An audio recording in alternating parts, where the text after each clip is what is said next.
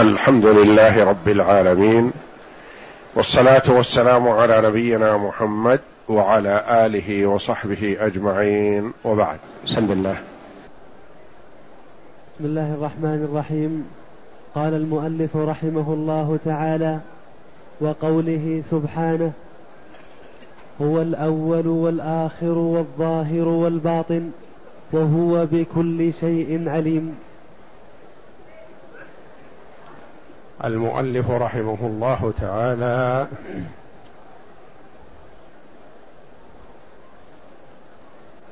ذكر سورة الإخلاص التي هي تعدل ثلث القرآن وآية الكرسي التي هي أفضل آية في القرآن. استدل بهما على أن الله جل وعلا جمع في أسمائه وصفاته بين النفي والإثبات.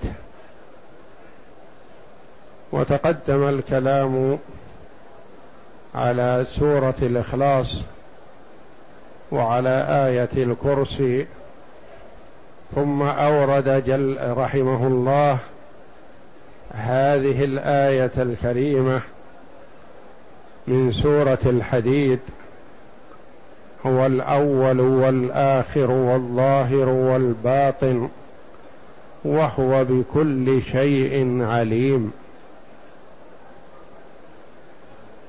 على الدلالة على أن الله جل وعلا موصوف بالأزلية قدما. وموصوف بالأبدية أبدا. هو الأول ازلا فلا شيء قبله. وهو الآخر أبدا فلا شيء بعده. وهو الظاهر في علوه جل وعلا فله العلو المطلق.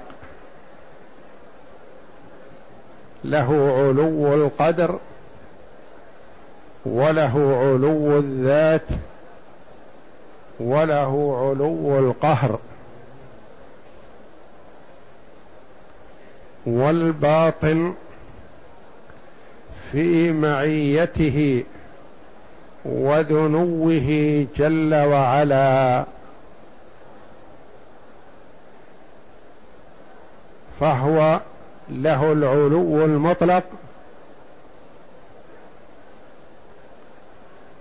وله المعية جل وعلا التي تليق بجلاله وعظمته. فله وهو قل جل وعلا القريب في علوه. والعالي جل وعلا في دنوه.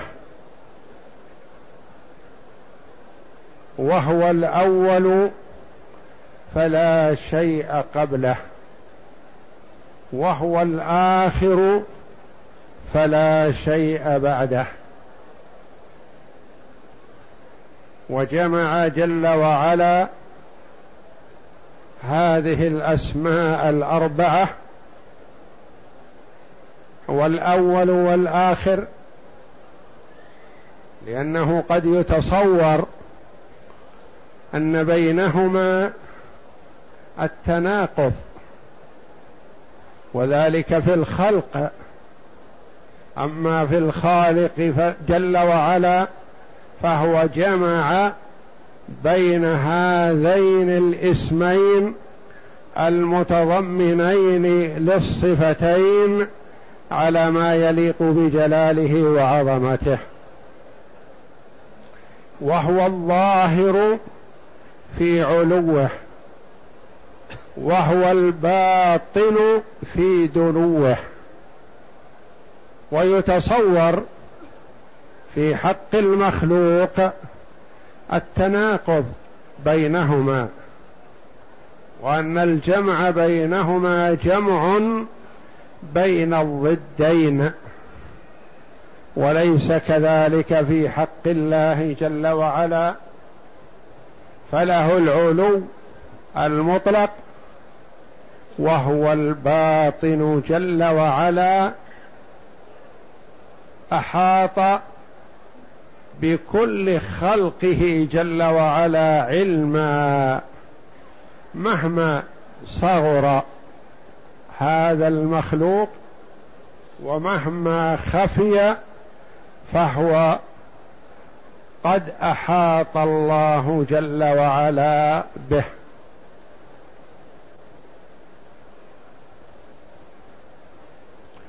وقد فسرهما فسر هذه الأسماء النبي صلى الله عليه وسلم في حديثه الصحيح فقال عليه الصلاة والسلام أنت الأول فليس قبلك شيء. وأنت الآخر فليس بعدك شيء. وأنت الظاهر فليس فوقك شيء. وأنت الباطن فليس دونك شيء.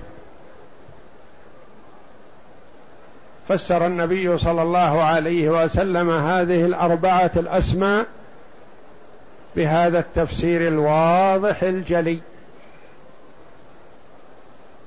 الذي يزيل الإشكال أو اللبس أو ظن التعارض بين الاسمين.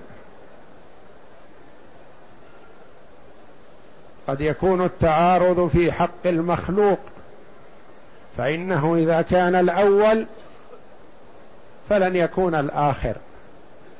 وإن كان الآخر فلن يكون الأول. وإن كان العالي فلن يكون الداني.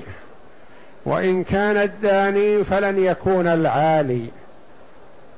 والله جل وعلا سمى نفسه بهذه الأسماء الأربعة المتضمنة للمعاني اللائقة بجلاله وعظمته سبحانه وتعالى. اقرأ.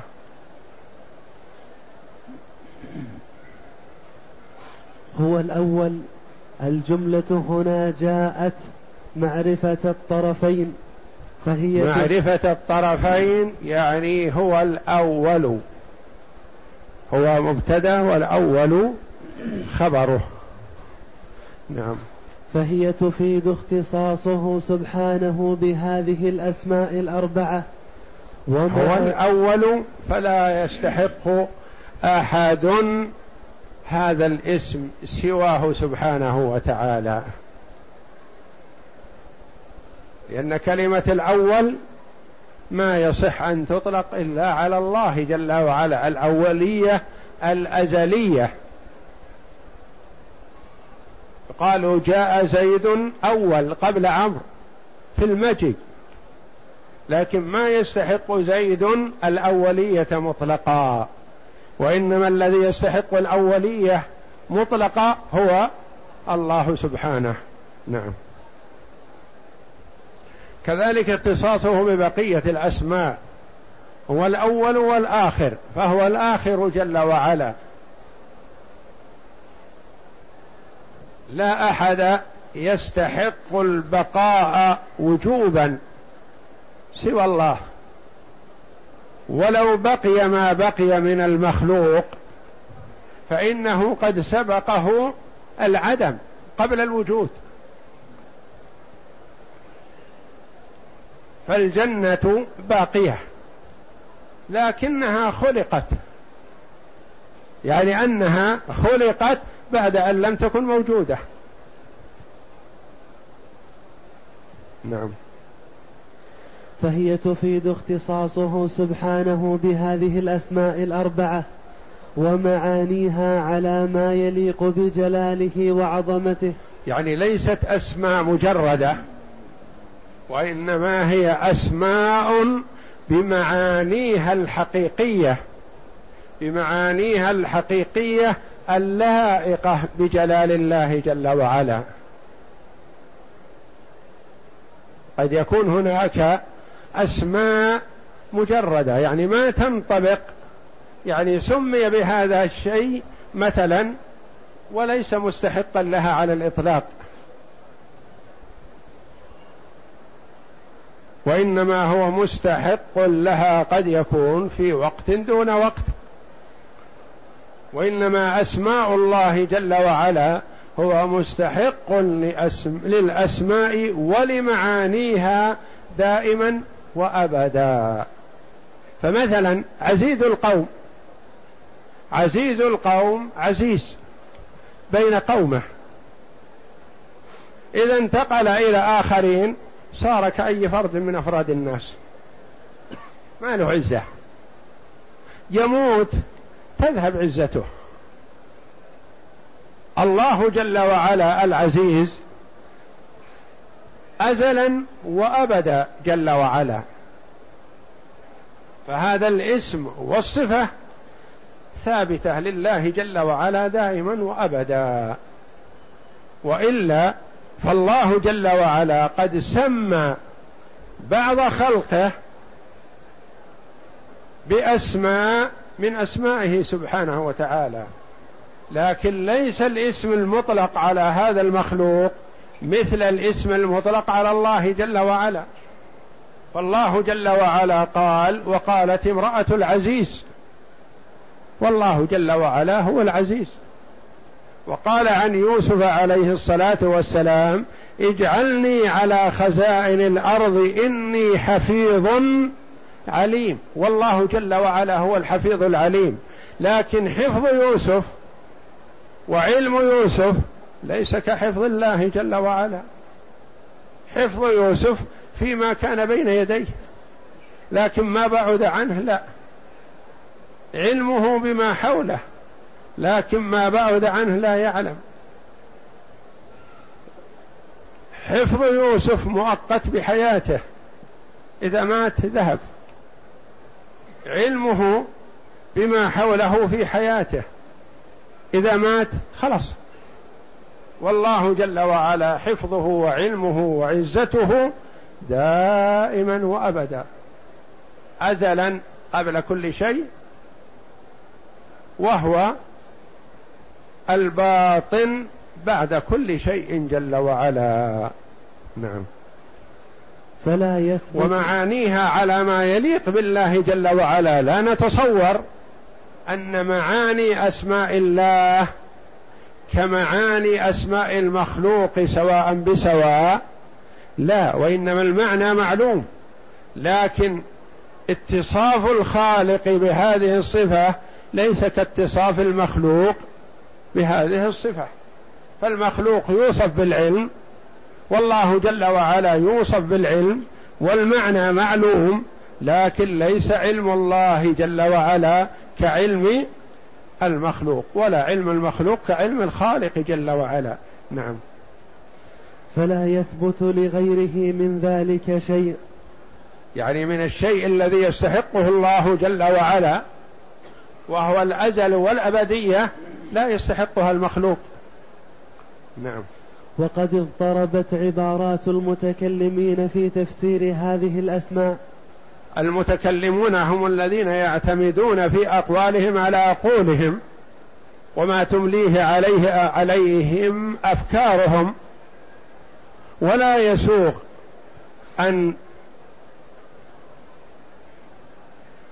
تفسر أسماء الله جل وعلا وصفاته سبحانه وتعالى إلا بما ورد عن الله وعن رسوله صلى الله عليه وسلم. ما يصح أن تأتي العقول بالمعنى الذي يريده الله جل وعلا أو المعنى الذي يريده الرسول صلى الله عليه وسلم. والمعنى الذي يريده الرسول صلى الله عليه وسلم لا يختلف عن المعنى الذي يريده الله جل وعلا لأن الرسول عليه الصلاة والسلام لا يأتي بالشيء من عند نفسه وإنما هو كما قال الله جل وعلا وما ينطق عن الهوى إن هو إلا وحي يوحى فالله جل وعلا أعلم بنفسه من غيره ورسوله صلى الله عليه وسلم أعلم بالله من غيره من الخلق صلوات الله وسلامه عليه نعم. ولا داعي لهذه التفسيرات بعدما ورد تفسيرها عن المعصوم صلوات الله وسلامه عليه ولا ينبغي أن يرجع إلى قول كائن من كان إذا ورد التفسير عن عن الرسول صلى الله عليه وسلم في السنة الصحيحة. يعني لا يجوز أن نأخذ إلا ما ورد عن نبينا بالسنة الصحيحة. أما بما ورد غير صحيح فلا نعتمد عليه ولا نأخذ به.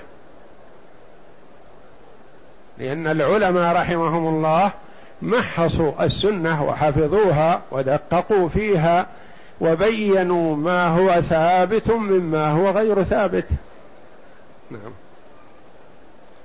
فقد روى مسلم في صحيحه عن أبي هريرة رضي الله عنه عن النبي صلى الله عليه وسلم أنه كان يقول إذا أوى إلى فراشه اللهم رب السماوات السبع ورب الأرض رب كل شيء فالق الحب والنوى منزل التوراة يعني. كل هذه الأسماء بالنصب لأنها مقدر فيها الندى اللهم رب السماوات إلى آخره فالق الحب والنوى منزل التوراة والإنجيل والقرآن. كلها منادى منصوب. لأنه منادى مضاف والمنادى المضاف ينصب. فيقال يا عبد الله يا عبد الله. نعم. منزل التوراة والإنجيل والقرآن. أعوذ بك من أعوذ بك من شر كل ذي شر. أنت آخذ بناصيته. أنت الأول فليس قبلك شيء وأنت الآخر فليس بعدك شيء. ففهمنا أن كلمة الأول يعني أنه ليس قبله شيء. وهذا بتفسير النبي صلى الله عليه وسلم. ومعنى قوله الآخر الذي ليس بعده شيء. نعم. وأنت الظاهر فليس فوقك شيء. وأن المراد بالظهور هو العلو. والله جل وعلا له العلو المطلق. والظهر المرتفع. والظهور العلو. فهو جل وعلا الظاهر العالي. الذي ليس فوقه شيء. له العلو المطلق. نعم. وأنت الباطن فليس دونك شيء. والباطن الذي أحاط بدقائق الأمور وخفاياها وما خفي منها. نعم. اقض عني الدين وأغنني من الفقر. فهذا تفسير واضح هذا دعاء يدعو به النبي صلى الله عليه وسلم إذا أوى إلى فراشه. نعم. ورغب الأمة في هذا الدعاء عندما يأوي المرء إلى فراشه. نعم. فهذا تفسير واضح. جامع يدل على كمال عظمته سبحانه. كمال عظمته سبحانه. على كمال عظمته سبحانه. وأنه محيط بالأشياء في كل وجه. محيط بالأشياء من كل وجه يعني في الزمان والمكان. في الزمان ما قدم وما تأخر والمكان ما علا وما بطن فهو محيط بكل شيء جل وعلا. نعم. فالأول والآخر بيان لإحاطته الزمانية. إحاطته الزمانية يعني أول الزمان وآخر الزمان أحاط به تعالى. نعم. والظاهر والباطن بيان لإحاطته المكانية. الباء الظاهر الذي ليس فوقه شيء والباطن الذي ليس دونه شيء وهذه مكانية. يعني أحاط بالعلو والدنو سبحانه وتعالى. نعم. كما أن اسمه الظاهر يدل على أنه العالي فوق جميع خلقه فلا شيء منها فوقه. فمدار هذه الأسماء الأربعة على الإحاطة. مدار هذه الأسماء الأربعة الأول والآخر والظاهر والباطن. على الإحاطة من كل وجه. علوا ودنوا قدما وأبدا. أزلا وأبدا. يعني أول وآخر. فوق وتحت. نعم. فمدار هذه الأسماء الأربعة على الإحاطة؟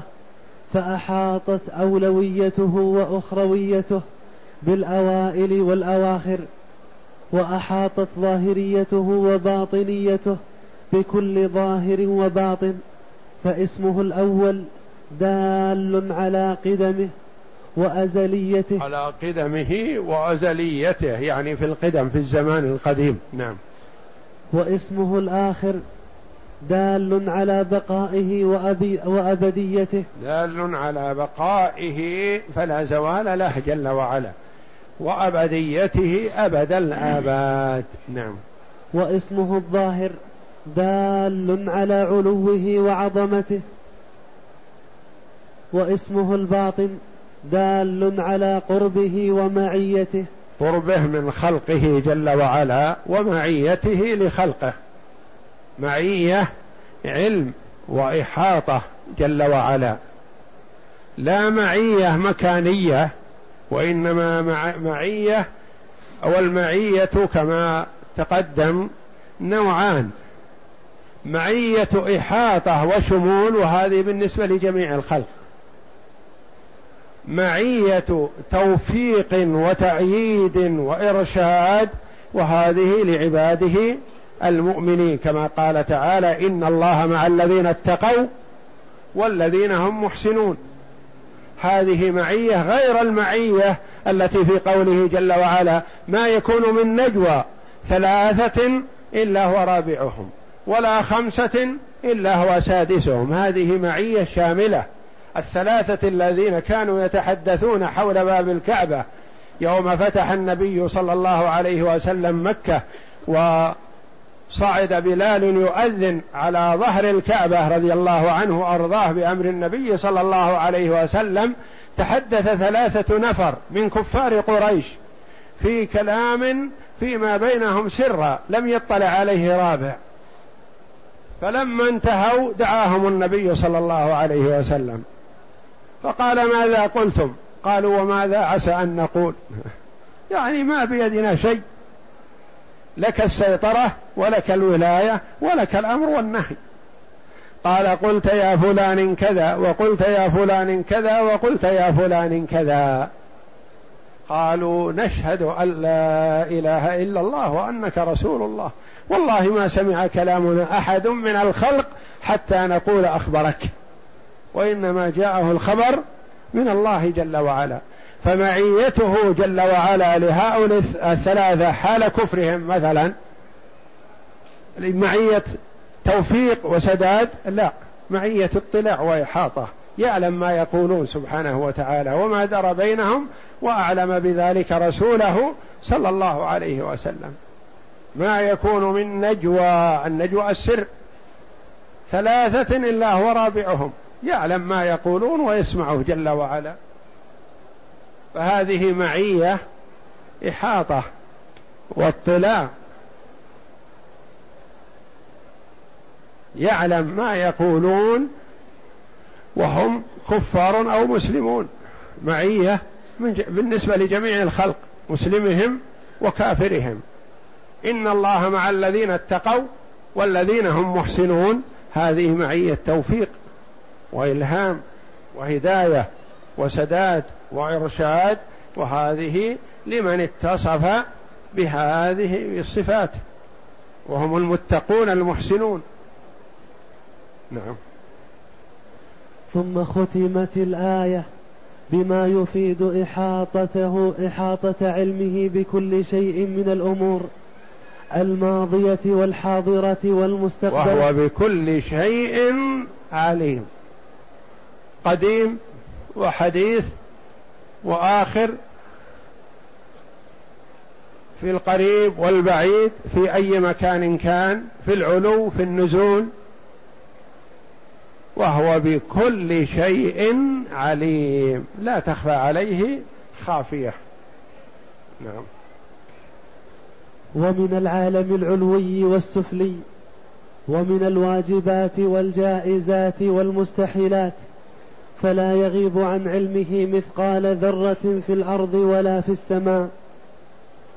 الواجبات الوجوب الواجبات الوجود كعلمه جل وعلا بأسمائه وصفاته ومعرفة وذاته سبحانه وتعالى وكيفية صفاته سبحانه وتعالى. والجائزات ما يتعلق بالخلق. يجوز وجوده ويجوز عدمه. والمستحيلات الشيء المستحيل الوجود يعلمه جل وعلا. فلا يغيب. فالآية كل فالآية كلها شأن إحاطة الرب سبحانه بجميع خلقه من كل وجه وأن العوالم كلها في قبضة يده كخردلة في يد العبد لا يفوته منها شيء. ورد أن السماوات والأراضين ومن فيها كل الخلق في كف الرحمن كخردلة في يد أحدكم. خردلة في يد الواحد ماذا تكون؟ كل المخلوقات العلوية والسفلية ما ظهر منها وما خفي وما عظم وما حقر كله في كف الرحمن جل وعلا كخردلة في يد أحدكم. إذا علم أن السماوات العلى هذه السماوات السبع كسبعة دراهم بالنسبة للكرسي. لعظمته وأن الكرسي كحلقة من حديد ألقيت في فلاة من الأرض بالنسبة للعرش. والعرش هو أعظم المخلوقات وجميع المخلوقات من العرش فما دونه كلها في كف الرحمن كخردلة في يد أحد الخلق. وهذا دليل على عظمة الله جل وعلا نعم. وإنما أتى بي وإنما أتى بين هذه الصفات بالواو مع أنها جارية على موصوف واحد لزيادة التقرير والتأكيد لأن أتى بين هذه الصفات بالواو مع أنها جارية على موصوف واحد يعني قال جل وعلا هو الأول والآخر و والظاهر و والباطن و واو العطف والعادة أن الصفات الجارية على موصوف واحد ما يحتاج أن تعطف بالواو. يصح أن يقال هو الأول الآخر الظاهر الباطن. والمعنى صحيح. لكن الإتيان بالواو أبلغ. ما وجه هذه البلاغة؟ هو الأول والآخر. ما قال هو الأول الآخر الظاهر الباطن؟ قال هو الأول والآخر والظاهر والباطن. فعطف كل واحدة على الأخرى. وجه البلاغة كما قال العلماء رحمهم الله لو حذفنا الواو لكانت الآخر مثلا صفة للأول. والظاهر صفة للآخر. والباطن صفة أو كلها تكون من أولها إلى آخرها صفات للأول. هو الأول الظاهر صفة له الباطن صفة للأول الظاهر صفة للأول. كلها تكون صفات للاسم الأول. بينما إذا وجدت الواو صار هو الأول والآخر. الآخر معطوف على الأول والأول اعتبر أصل اعتبر أصل وليس صفة لهو التي قبلها المبتدأ لأن الخبر في الأصل صفة للمبتدأ. فيكون كأن الأول أصل بذاته ثم جاء الآخر فصار أصلا آخر وما بعده تابع له. ثم جاء الظاهر فكان أصلا بنفسه وما بعده تابع له. فكانت كأنها مجموعة أصول أقوى من كونها مجموعة أوصاف لأصل وإنما أتى بين هذه الصفات بالواو. مع أنها جارية على موصوف واحد لزيادة التقرير والتأكيد. يعني العطف يكون أبلغ من مجيء الصفات بدون عطف. نعم. لأن الواو تقتضي تحقيق الوصف المتقدم وتقريره وحسن ذلك لمجيء وحسن ذلك. وحسن ذلك لمجيئها بين أوصاف متقابلة. قد يسبق إلى الوهم استبعاد الاتصال بها جميعا. فإن الأول فإن الأولية الاتصال لعلها الاتصاف هنا والله أعلم. قد يسبق إلى الوهم استبعاد الاتصاف بها جميعا. النسخة الثانية فيها الاتصال بالواو باللام.